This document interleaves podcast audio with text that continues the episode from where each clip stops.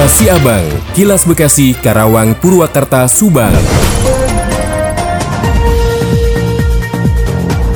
Dikabarkan dari Subang, Bupati Subang Agus Jadi hadir dalam perayaan anniversary ke-1 Perkumpulan Pelayang Seluruh Indonesia atau Pelangi Subang. Sekaligus Hari Kesehatan Nasional dengan kegiatan festival layang-layang di Lapang Girobang Biru, Desa Pagone, Kecamatan Purwadadi. Laporan Ketua Panitia Penyelenggara Kegiatan juga selaku Ketua Pelangi Subang, Abi Oyan, menyampaikan bahwa kegiatan festival layang-layang dilaksanakan dalam rangka melestarikan permainan tradisional layang-layang yang saat ini sudah mulai mulai, jarang terlihat. Dikabarkan dari Subang, Bupati Subang Agus Jadi hadir dalam perayaan anniversary ke-1 Perkumpulan Pelayang seluruh Indonesia atau Pelangi Subang sekaligus Hari Kesehatan Nasional dan kegiatan festival layang-layang di Lapang Gerbang Biru Desa Pagona Kecamatan Purwadadi.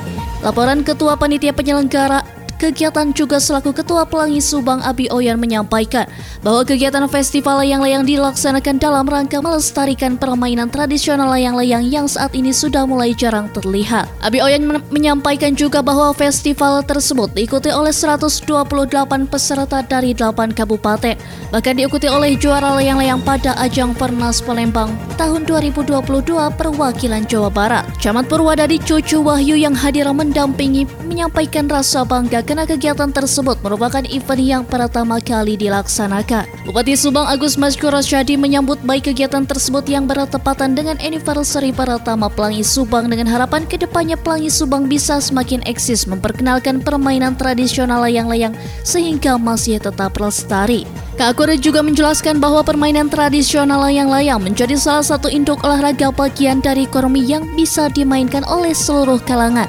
Tidak hanya untuk anak-anak saja namun kalangan dewasa juga bisa.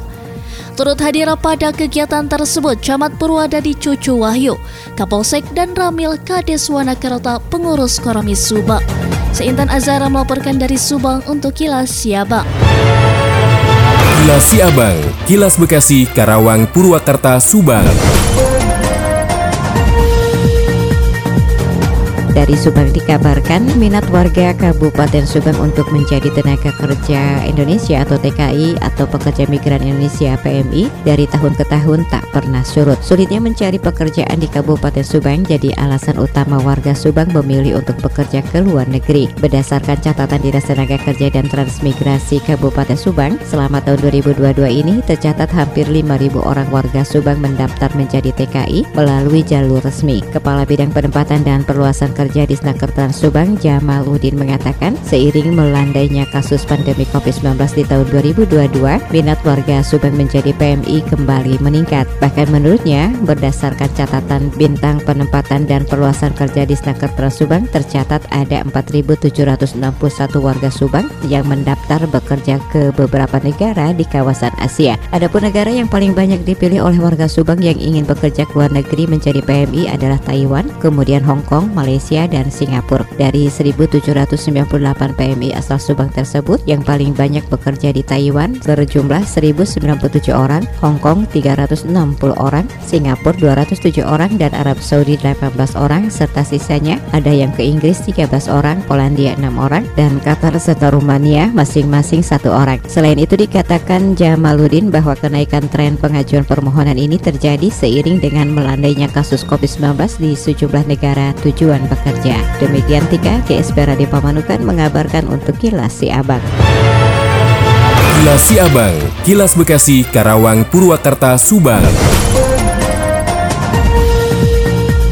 Para pengusaha tempat hiburan malam THM di Kota Bekasi tidak lagi bebas membuka usahanya hingga larut malam selama Natal 2022 dan Tahun Baru 2023.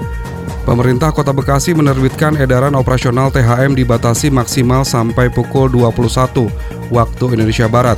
Terdapat surat edaran mengacu kepada Peraturan Daerah Kota Bekasi Nomor 1 Tahun 2020 tentang penyelenggaraan kepariwisataan dan dalam rangka menghormati hari besar keagamaan termasuk Natal. Edaran tersebut berlaku untuk semua THM mulai dari kafe, klub malam, karaoke, musik hidup, pub, biliar hingga sauna dan spa. Kepala Disparbud Kota Bekasi, Abi Hurairah mengatakan surat edaran itu telah diterbitkan sejak Kamis 22 Desember lalu dan juga telah dikirimkan kepada para pengusaha hiburan. Ia mengatakan jam operasional THM menjelang tahun baru akan dibatasi, operasional klub malam musik hidup sampai pukul 23.30 waktu Indonesia Barat, spa, pijat refleksi sampai pukul 21 waktu Indonesia Barat. Demikian kilas Abang yang disiarkan serentak Radio Dakta Bekasi, Radio Gaya Bekasi, Radio El Gangga Bekasi, Radio ADS Karawang, Radio GSP Subang, Radio Mustika Subang, Radio El Sifa Subang, Radio MKFM Subang. Nantikan kilas Abang selanjutnya.